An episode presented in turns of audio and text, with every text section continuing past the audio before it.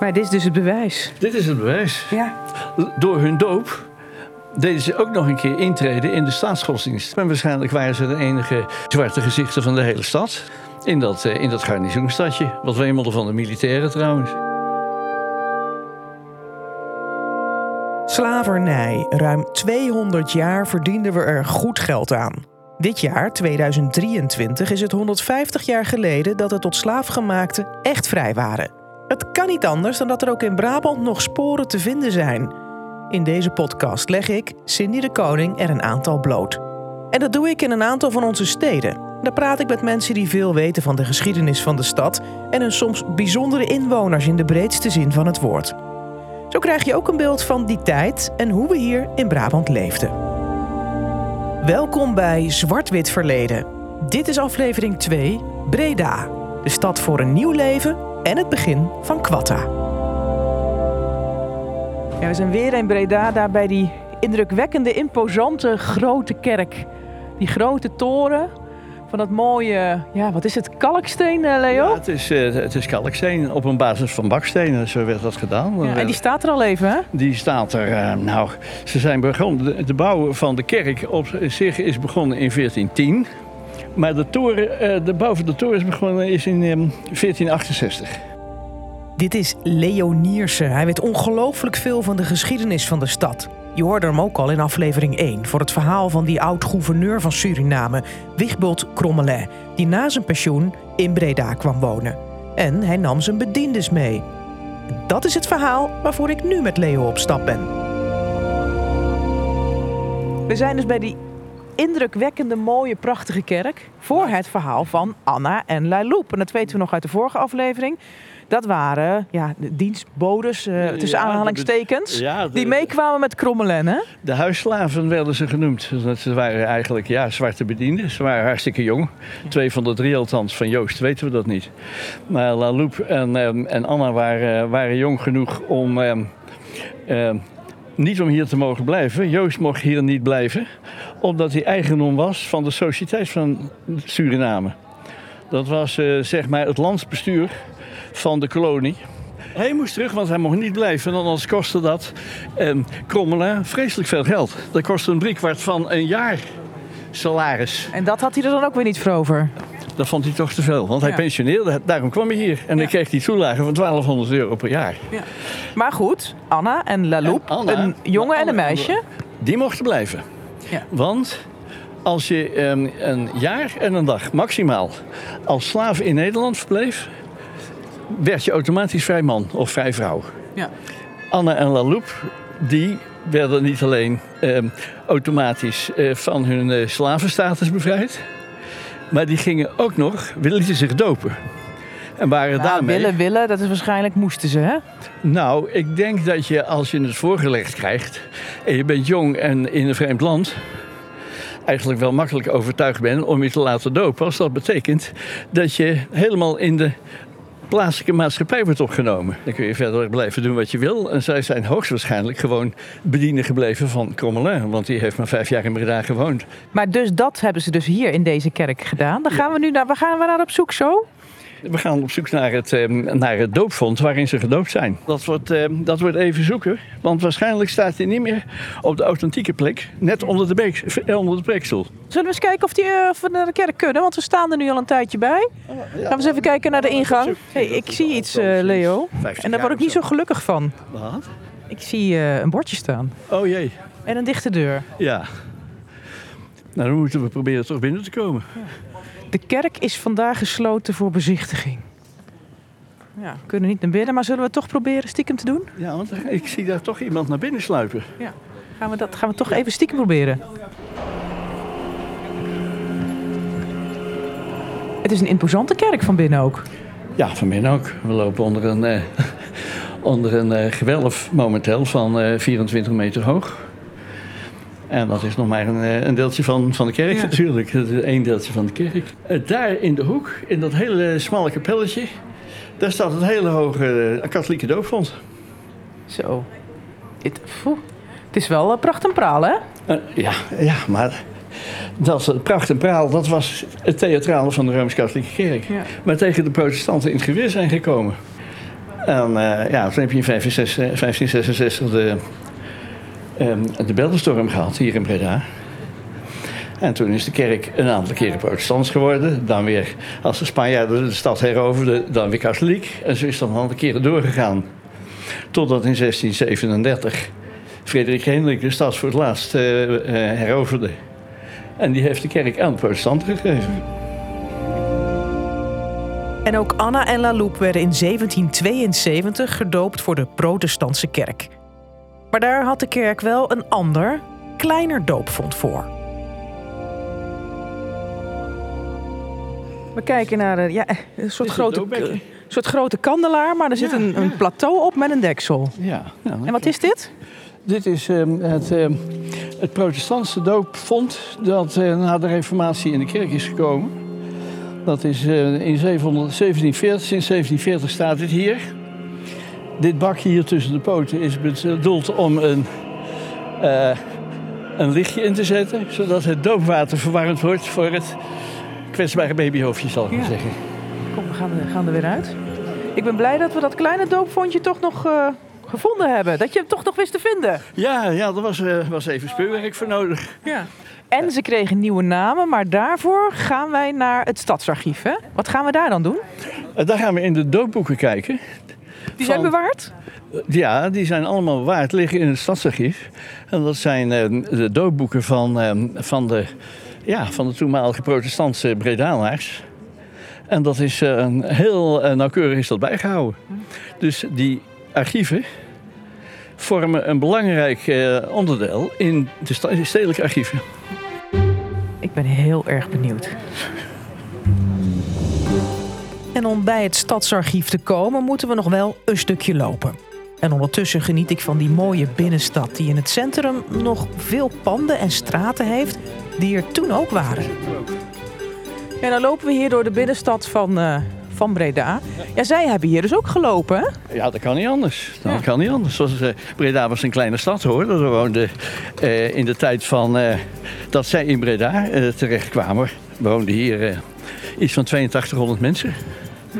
En keken ze raar op, want het waren natuurlijk zwarte mensen. Ja, dat kan bijna niet anders. Dat moet de Talk of the Town zijn geweest. In zo'n ja. klein stadje praten zich dat natuurlijk uh, in de kortste in een paar uur rond. Ja. Dan lopen zwarte mensen in de, in de Nieuwstraat. Waar komen die vandaan? En, nou. en, en uh, dan was al gauw bekend natuurlijk dat Krommelin was komen wonen. Dat ze met hem uh, mee waren gekomen. Ja, dat, dat zal ik wel heel snel verteld hebben, ja. Wat moesten zij dan doen als ja, dienstmeid, ja, dienstjongen? Dat ze licht huishoudelijk werk hebben gedaan.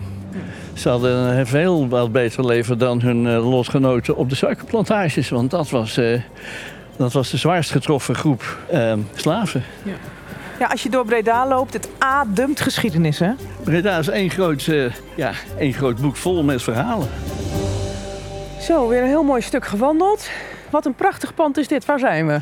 En wij zijn wat genoemd wordt sinds de inrichting van het Chassé-park, twintig jaar geleden, de Parade. Oud pand? Oud pand. Daar is in 1899 nieuwe grote kazerne bijgebouwd voor Breda. Oh, vandaar dat de chassé-kazerne op staat. Maar nu zit hier de stadsarchief in. Hier zit en hier ga ik achter komen hoe ze nou echt heten, Anna en Aloep. Dit hele grote gebouw is onderkelderd. Met, een, um, um, met klimaatbeheersing tot en met. Ja? En daarin worden bijvoorbeeld de doopboeken van de grote kerkwaard. Ik zie daar al iemand op ons wachten. Ik ja. denk dat dat degene is. Wie is dit? Dat is onze Rinke. Hey, hallo, ik ben Cindy. Hoi, Rinke, Stadsarchief Breda. Goedemiddag. Hey, en jij gaat me iets moois laten zien, hè? Ja, zeker. We hebben iets heel bijzonders hier liggen in ons kelderdepot. Ja, en ik ga er eindelijk achter komen hoe Anne en Loep heten. Ja, ja. Dus ik mag hier nou, het is een beetje heilige grond waar ik naartoe ga, denk ik. Ja, een beetje heilige ondergrond. Ja, ja. ja. Gaan we voor, ik kan niet wachten, ik vind het zo spannend. Ik ga erachter komen hoe ze heet en ik ga iets heel ouds zien, hè? Let op het afstapje hier. Oh, ik hoor al wat zoomen. Dat is... Uh... De klimaatinstallatie. Dikke deur. Dikke deur. IJzeren spijlen. Ja, we zijn voor alle weersomstandigheden beschermd. Water, brand, niks komt er uh, zomaar in. Oké, okay, we gaan de grote deur door. Ja. Oh, kijk eens. Allemaal stellingkasten. Depot 1 heet het. En waar moeten we naartoe? Helemaal naar depot 4, dus we gaan een stukje doorlopen. Oké, weer van die dikke brandwerende deuren. Ja. Allemaal van die kasten met van die eh, draaiwielen eraan. Eh, gevuld met eh, allemaal dezelfde kleuren dozen. Allemaal van die, ja, eh, bruin. Is dit het? Ja, we zijn er. En hier ligt al het ruwe materiaal voor die, al die verhalen van Breda. Ja, jij kent het hier op je duimpje. Waar moeten we zijn? Welke kast? Ja, we zijn hier voorin, kast eh, nummer 1 tot en met 12 ongeveer. Daar staat eh, de burgerlijke stand.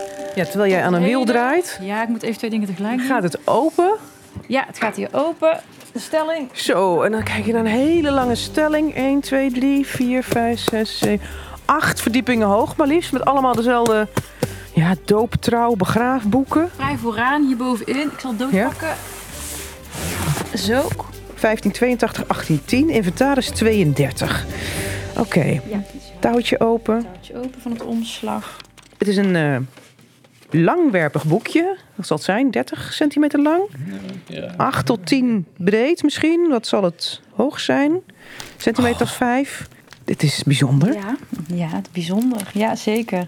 Dit is inderdaad een, eh, een doopboek. Waar dus eh, ja, alle dopen door de jaren heen in geregistreerd staan. Met pen en inkt, hè? Met pen en inkt. 1743. 43, ja, daar begint Zo het. oud is dit boekje. Zo oud is het boekje? Ja, misschien wel ouder zelfs. Dat is ook allemaal geadministreerd. Even kijken, het 1772. 22 maart, daar moeten we zijn. 1772. Even kijken, nou, dit is 1745, dus dan moeten we iets verder door. Blader, blader. Kijk, Oh ja, bovenaan de pagina. Even kijken of ik het kan lezen. Den 22 maart, nog met AE, 1772, zijn gedoopt een neger en een negerin Toen mocht dat woord Ja. eh, nog gewoon gebruikt worden. Ja. eh, eh, bij de uit Uit het heidendom overgekomen. de eerste met de naam van. Oh, dit is dan eh La Loupe, denk ik. Christian Africanus. Dus dat is een nieuwe naam geworden. Ja, ja. Hij had gewoon maar één naam, La Loupe. Ja. Maar zijn doopnaam is dan Ja. dus Christian Africanus. De andere met die van Anna Elisabeth van Chatillon. Ja, En er staat nog meer. Over welken bijgestaan heeft als getuige. Ze hebben wel edelgestelde. heer Wigbold Krommelen. Het staat er. Ja. een vroegere eigenaar. Maar dit is dus het bewijs. Dit is het bewijs. Ja. Ja, Heel bijzonder dit, om dit te zien. Nou, ze hoorden het nu dus echt bij. En ze waren dus nu eigenlijk onderdeel van de gemeenschap hier. van de Bredaanse gemeenschap. En waarschijnlijk waren ze de enige zwarte gezichten van de hele stad. Nou, en jij mag hier gewoon werken elke dag. Ja, inderdaad. Schatten blijven gewoon nog steeds omhoog komen. Ja, ja. en je ontdekt telkens weer wat nieuws hier. Zo'n enorm archief. Als je al die doosjes naast elkaar zou zetten, hebben we bijna 12 kilometer aan materiaal. Dus eh, kun je nagaan hoeveel dat is. En nu is er dus weer eentje ontrafeld. Anna en La Loupe hebben echt bestaan. En ze zijn op 22 maart 1772 in de grote kerk van Breda gedoopt. Tot Christiaan Africanus en Anna Elisabeth van Chatillon. Zometeen hoor je het verhaal van een gevluchte plantagehouder... die in Breda de chocoladefabriek Quatta begon. Maar eerst stap ik in de auto naar Leiden. Je bestemming bevindt zich aan de rechterkant. Want daar heb ik afgesproken met iemand die heel veel weet over ons slavernijverleden. Hallo. Hi. Nou, gevonden. Ja. Hoi, ik ben Cindy. Hi, Carwan. En er ook veel boeken over schreef. Eh, Ik ben Carwan Vattablek. Ik ben docent aan de Universiteit Leiden, sociale en economische geschiedenis. En ik ben gespecialiseerd in het Nederlandse koloniale verleden en vooral ja, Atlantische slavernij, eh, Suriname, Curaçao. Om nou maar eens bij het simpele begin te beginnen. Ja, wat is slavernij eigenlijk? Nou, er bestaan heel veel vormen van slavernij. De vorm van slavernij waar we het nu vaak over hebben, is eh, de koloniale slavernij. Ehm, en dat betekende dat mensen in eigendom gehouden konden worden. Dus de ene mens kon een ander mens in eigendom hebben. En dat betekende dat je dus te luisteren had naar, eh, naar de wensen van de eigenaar. Ehm, en dat die rechten van die eigenaar ook beschermd werden door de overheid. Dat was ook de Nederlandse overheid, de Nederlandse koloniale overheid. Hoe lang heeft dat eigenlijk geduurd? Want daar wisselen de meningen ook een beetje over, hè? Ja, dus die Nederlandse betrokkenheid bij deze vorm van slavernij, die begint aan het eind van de 16e eeuw, begin van de 17e eeuw. Die wordt echt eh, snel groter in Nederlands-Indië uh, en daarna ook in de Atlantische wereld, Afrika en de Amerika's, vanaf het begin van de 17e eeuw. En dan ja, blijft Nederland daar uh, direct bij betrokken tot in de jaren 60 van de 19e eeuw. Dus 1860 en 1863 zijn de afschaffingen van de slavernij. Maar in dat, dat gebied dat onder Nederlands gezag valt, blijft slavernij nog wel een tijd ook bestaan. Dus ja, je, je kan zeggen, het is een geschiedenis die vanaf het begin van de 17e eeuw tot het eind van de 19e eeuw voortduurt. Rijst meteen de vraag: we vinden onszelf een beschaafde samenleving. Hoe kan het dan dat je dat mensen aandoet of anderen aandoet? De, manier waarop dat werd goed gepraat, altijd, uh, was door te zeggen van ja, we zijn eigenlijk niet slavernij aan het bedrijven, maar we zijn mensen aan het redden. Dus uh, de slavenhandelaren die zeiden van ja, als we mensen in Afrika laten, dan uh, worden ze door tyrannieke koningen en leiders onderdrukt. Of ze zijn krijgsgevangenen en ze zullen worden gedood. Dus het is maar beter als we ze meenemen naar Amerika. En dus dat idee van eigenlijk we zijn hier niet voor ons eigen gewin mensen aan het onderdrukken, maar we zijn ze aan het helpen. Ja, dat idee is, is een, een, een hele goede manier om dat voor die mensen destijds in ieder geval goed te praten. Er zijn echt heel veel mensen vervoerd hè, van Afrika naar Amerika. Wat wisten de mensen hier in, uh, in de Republiek daar eigenlijk van? Had die, hadden ze daar enig idee van? Ja, ze zullen daar wel van geweten hebben. Er zijn zeker mensen die er commentaar op leveren. We zien ook, en dat is een beetje indirect uh, bewijsvoering zou je kunnen zeggen, dat de mensen die actief zijn in de slavenhandel, dus kapiteins bijvoorbeeld, dat die eigenlijk niet zo heel vaak zo'n reis doen. Dus dat was blijkbaar niet iets wat ze heel graag deden. Wat merken we nu nog van onze tijd van de koloniale overheersing, de tijd van de slavernij? Nou, ik denk dat je heel goed kan zien dat, dat Nederland was een koloniaal rijk. Dus het is deel van de migratiegeschiedenis van Nederland. Het is deel van de, van de welvaart van Nederland. Deel van de infrastructuur, het aanleg van de infrastructuur. Uh, de kanalen en de dijken. Um, uh, heel veel daarvan, in de, zeker in de 19e eeuw, spoorwegen, zijn betaald met geld uit Nederlands-Indië vooral. Um, de, de, de, de, kunstcollecties. De, overal kun je die sporen van dat koloniale verleden terugzien. Misschien een hele lastige, maar hoe zou de wereld eruit hebben gezien zonder slavernij? Hoe zou Nederland eruit hebben gezien zonder slavernij? Nou, je, wat we weten over de uh, economische ontwikkeling van de 18e eeuw is dat Nederland veel sneller, veel verder zou zijn weggezakt uh, als, als internationale speler in de 18e eeuw. Ja, dat is wat je er heel concreet over kan zeggen. Dus die slavernij was vooral voor de winst, voor het geld? Ja, zeker. Dat was het. Dat was het in de 17e eeuw. Dat was het in de 18e eeuw. Ja, hoe zou de wereld er hebben uitgezien? Heel anders. Er zijn heel veel mensen verplaatst. Er zijn nieuwe samenlevingen gecreëerd. Ja, de, de, de, de vernietiging van inheemse samenlevingen, uh, oorspronkelijke bewoners van die, uh, van die gebieden. Uh, dus ja, er is een, er is, er is een enorme verplaatsing van mensen op gang gebracht rond die, rond die slavernij gebaseerde koloniale productie. Slavernij en kolonialisme hebben er dus mede voor gezorgd dat we nu zo'n multiculturele samenleving hebben. En dat heeft ons dus ook behoed voor economische ondergang. Sterker nog, het bracht ons rijkdom. Maar er is ook nog steeds een keerzijde, want van discriminatie zijn we nog niet af. En ook nu nog ondervinden mensen gevolgen van de onderdrukking en de uitbuiting van toen. Ze hebben lang moeten wachten op officiële excuses, maar 19 december 2022 was het dan zover. Minister-president Mark Rutte verwoordde het als volgt. Eeuwenlang hebben de Nederlandse staat en zijn vertegenwoordigers slavernij mogelijk gemaakt, gestimuleerd, in stand gehouden en ervan geprofiteerd. Eeuwenlang zijn de naam van de Nederlandse staat mensen tot handelswaar gemaakt, uitgebuit en mishandeld. Eeuwenlang is onder Nederlands staatsgezag de menselijke waardigheid met voeten getreden op de meest afschuwelijke manier. En te weinig hebben opeenvolgende Nederlandse regeringen na 1863 gezien en erkend dat het slavernijverleden een negatieve doorwerking had en heeft. Daarvoor bied ik namens de Nederlandse regering excuses aan. Today I apologize. Awe mi tapidi disculpa. Tide mi taki pardon. Dan gaan we weer terug naar Breda. Deze keer naar het einde van de 19e eeuw. Want toen kwam er een plantagehouder naar de stad en begon iets wat uitgroeide tot een heel bekend chocolademerk. Aller ogen zijn gericht op Kwatta. Kwatta kiezen is nooit mis. Waarom kijkt er ieder juist naar Kwatta? Omdat Kwatta je chocolade is.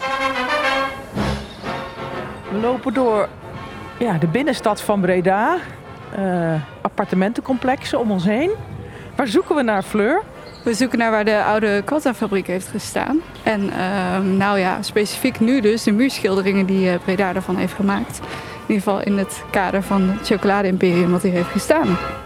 Ik zie hier iets. Ja, dat is het eh Quatta-soldaatje wat later populair is geworden. Ja. En vooral in de reclame van Ja. Quatta. Maar ik zie geen fabriek. Ik zei appartementen. Ja, die fabriek die staat al even niet meer. Eh, in ieder geval sowieso die uit 1883 natuurlijk niet meer. Ehm, ja, we staan nu wel midden op het terrein van waar ooit de fabriek heeft gestaan. Want wij hebben natuurlijk net een heel stuk gelopen en dan pas zie je hoe groot het terrein is geweest. En eh, aan de andere kant eh, zit het water. Dit is Fleur van der Made, een jonge bevlogen cultuurhistorica die onderzoek deed naar hoe Quatta in Breda terecht kwam. En ook Monique Rakhorst, de curator van het Stedelijk Museum van Breda, is er weer bij. Haar hoorde je al in aflevering 1.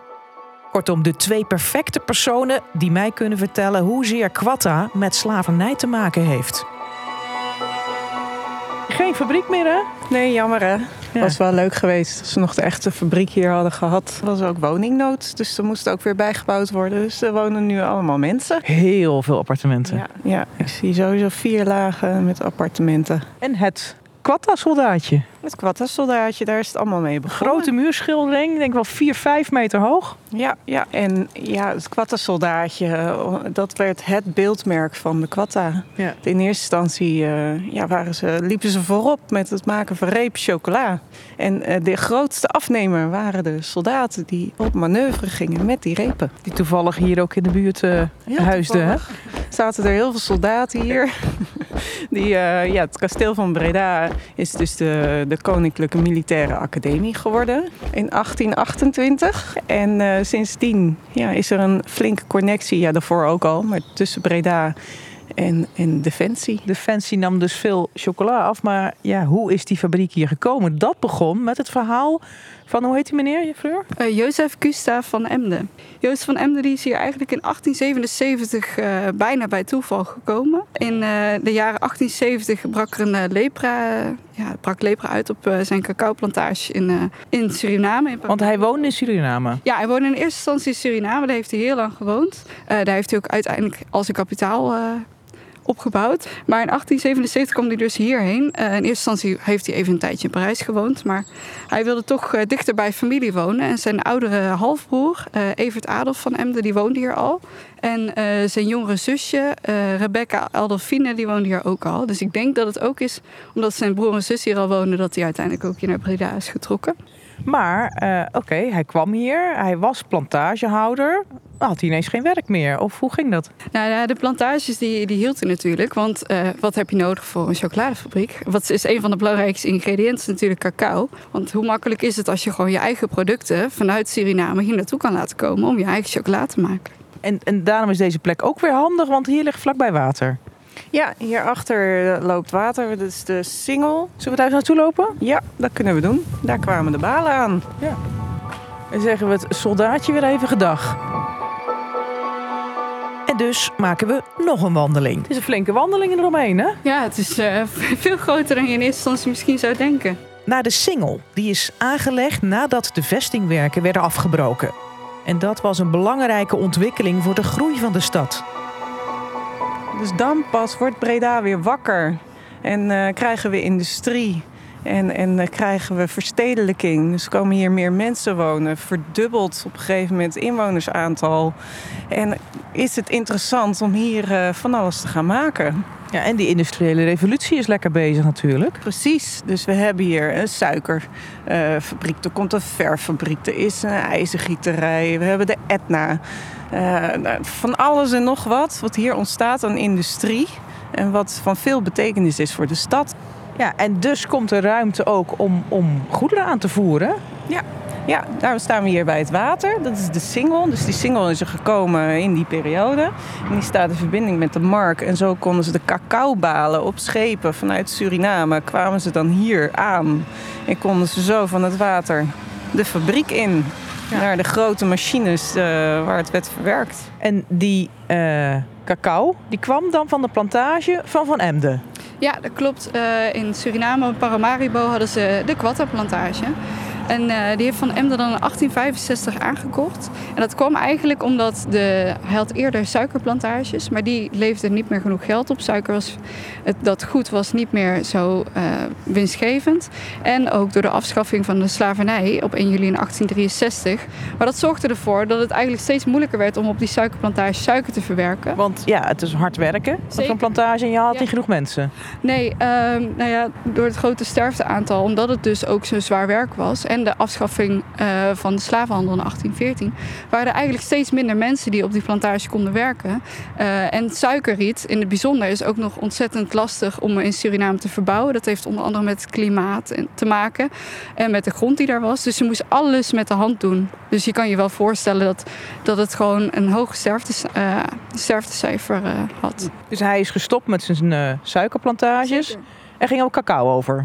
Ja, hij ging op cacao over. Een winstgevender product en waarschijnlijk wat makkelijker te verbouwen dan suikerriet. Ja. Nou, hij, hij, kwam dus uiteindelijk in, in Breda terecht. Hè? Um, maar die fabriek zal er niet 1, 2, 3 gestaan hebben. Hoe is dat in het begin gegaan? Hoe is hij chocola gaan maken? Nou ja, je ziet dat uh, uh, Joost van Emden die gaat uh, met PA de Bond, dat was een pakketbakker uit Breda, gaat hij eigenlijk richt hij het bedrijf PA de Bond chocolade op. En uh, waarschijnlijk is het dan de kennis van de banketbakker in combinatie met zijn cacao dat ze die fabriek hier kunnen beginnen in 1883. Ja. Maar uiteindelijk is het dan dan Quatta geworden. Is die ook weer van die naam afgestapt?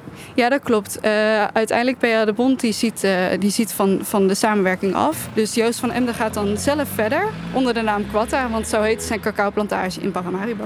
En dat werd inderdaad een succes. Maar in het begin was het nog niet de repen zoals we ze nu kennen, hè? Nee, dat klopt. Uh, de repen, dat uh, zie je in uh, 1889 komt Joost van Emden te overlijden. En dan proberen zijn, zijn zoons proberen het nog vier jaar zelf. Maar door wat omstandigheden gaat dat steeds moeilijker. Dus ze besluiten om het in 1893 te verkopen. En dan uh, nemen de gebroeders Stokvis het over.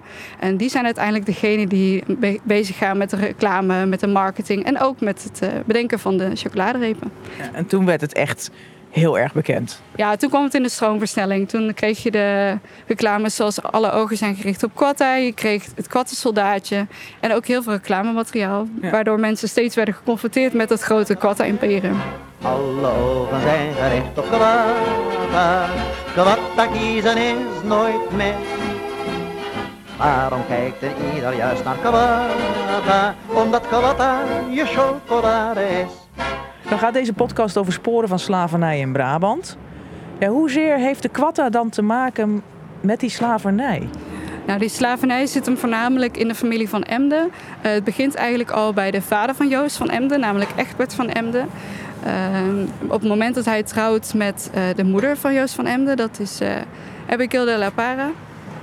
Uh, op het moment dat zij trouwen, dan komen twee grote families van Emden en de La Paras komen bij elkaar.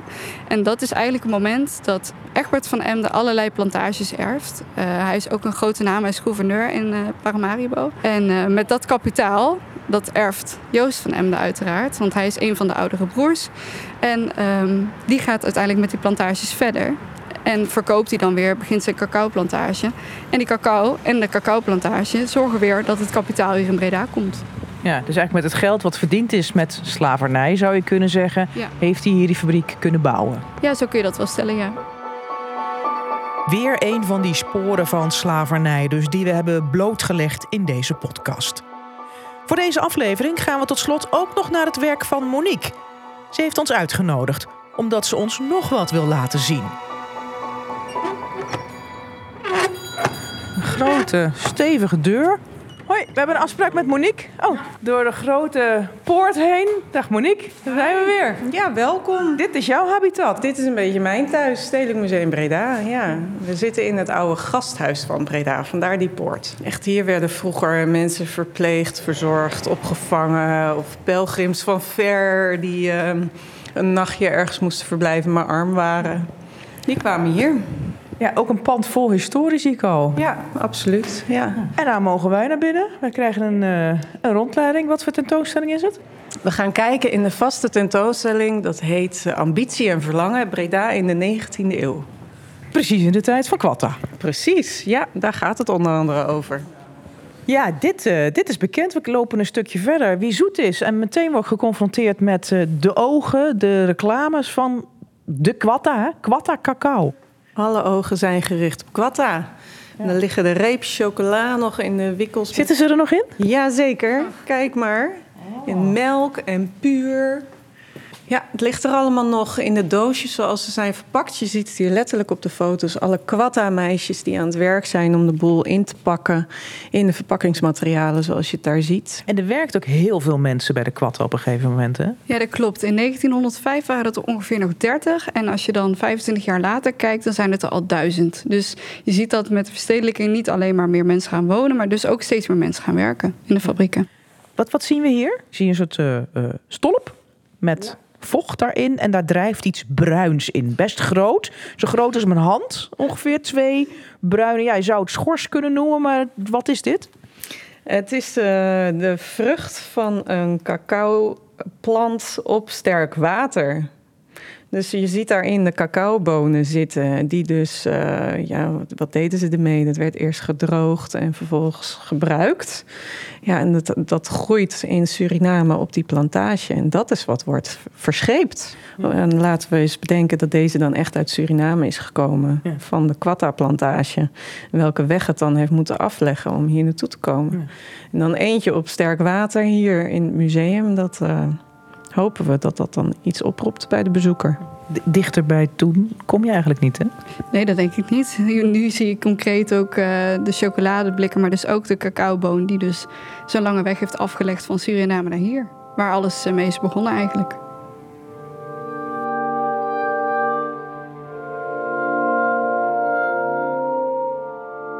Uiteindelijk vertrekt Quatta uit Breda en wordt het zo'n 50 jaar geleden weer overgenomen door een Belgisch bedrijf. Nog steeds is er chocoladepasta te koop onder de naam Quatta. In Breda zelf is nog maar weinig terug te vinden van dit stuk toch wel belangrijke geschiedenis van de stad. Op die grote muurschilderingen na dan. Tot zover aflevering 2 van de podcast Zwart-Wit Verleden over de sporen van slavernij in Brabant. En ook tot zover Breda, want in de volgende aflevering ben ik in Bergen op Zoom. In die stad begon de Nederlands-Schotse John Gabriel Stedman aan een boek.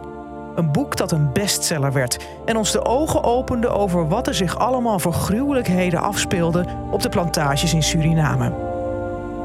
Poeh, even kijken. Een afbeelding die er niet om ligt, hè? Een slaaf hangend aan een, um, aan een galg waarbij... Uh, hij is niet met zijn nek opgehangen aan die galg, maar aan een vleeshaak doe je hem door de ribbenkast is geslagen. In deze podcast vertellen we de verhalen zo goed als mogelijk. Ieder verhaal heeft natuurlijk meerdere kanten en wij kiezen geen kant, dat mag je zelf doen. Deze podcast was er niet gekomen als niet al mijn enthousiaste gasten hadden meegewerkt en meegezocht naar die verhalen uit Brabant. En ook niet als Janneke Bos en Bert van Doorn van Omroep Brabant, net als ik, vinden dat deze verhalen verteld moeten worden om zo meer te leren over onze geschiedenis. Vind je dit een podcast die meer mensen zouden moeten horen? Geef het dan een like. En reageren kan via podcast.omroepbrabant.nl. Tot de volgende.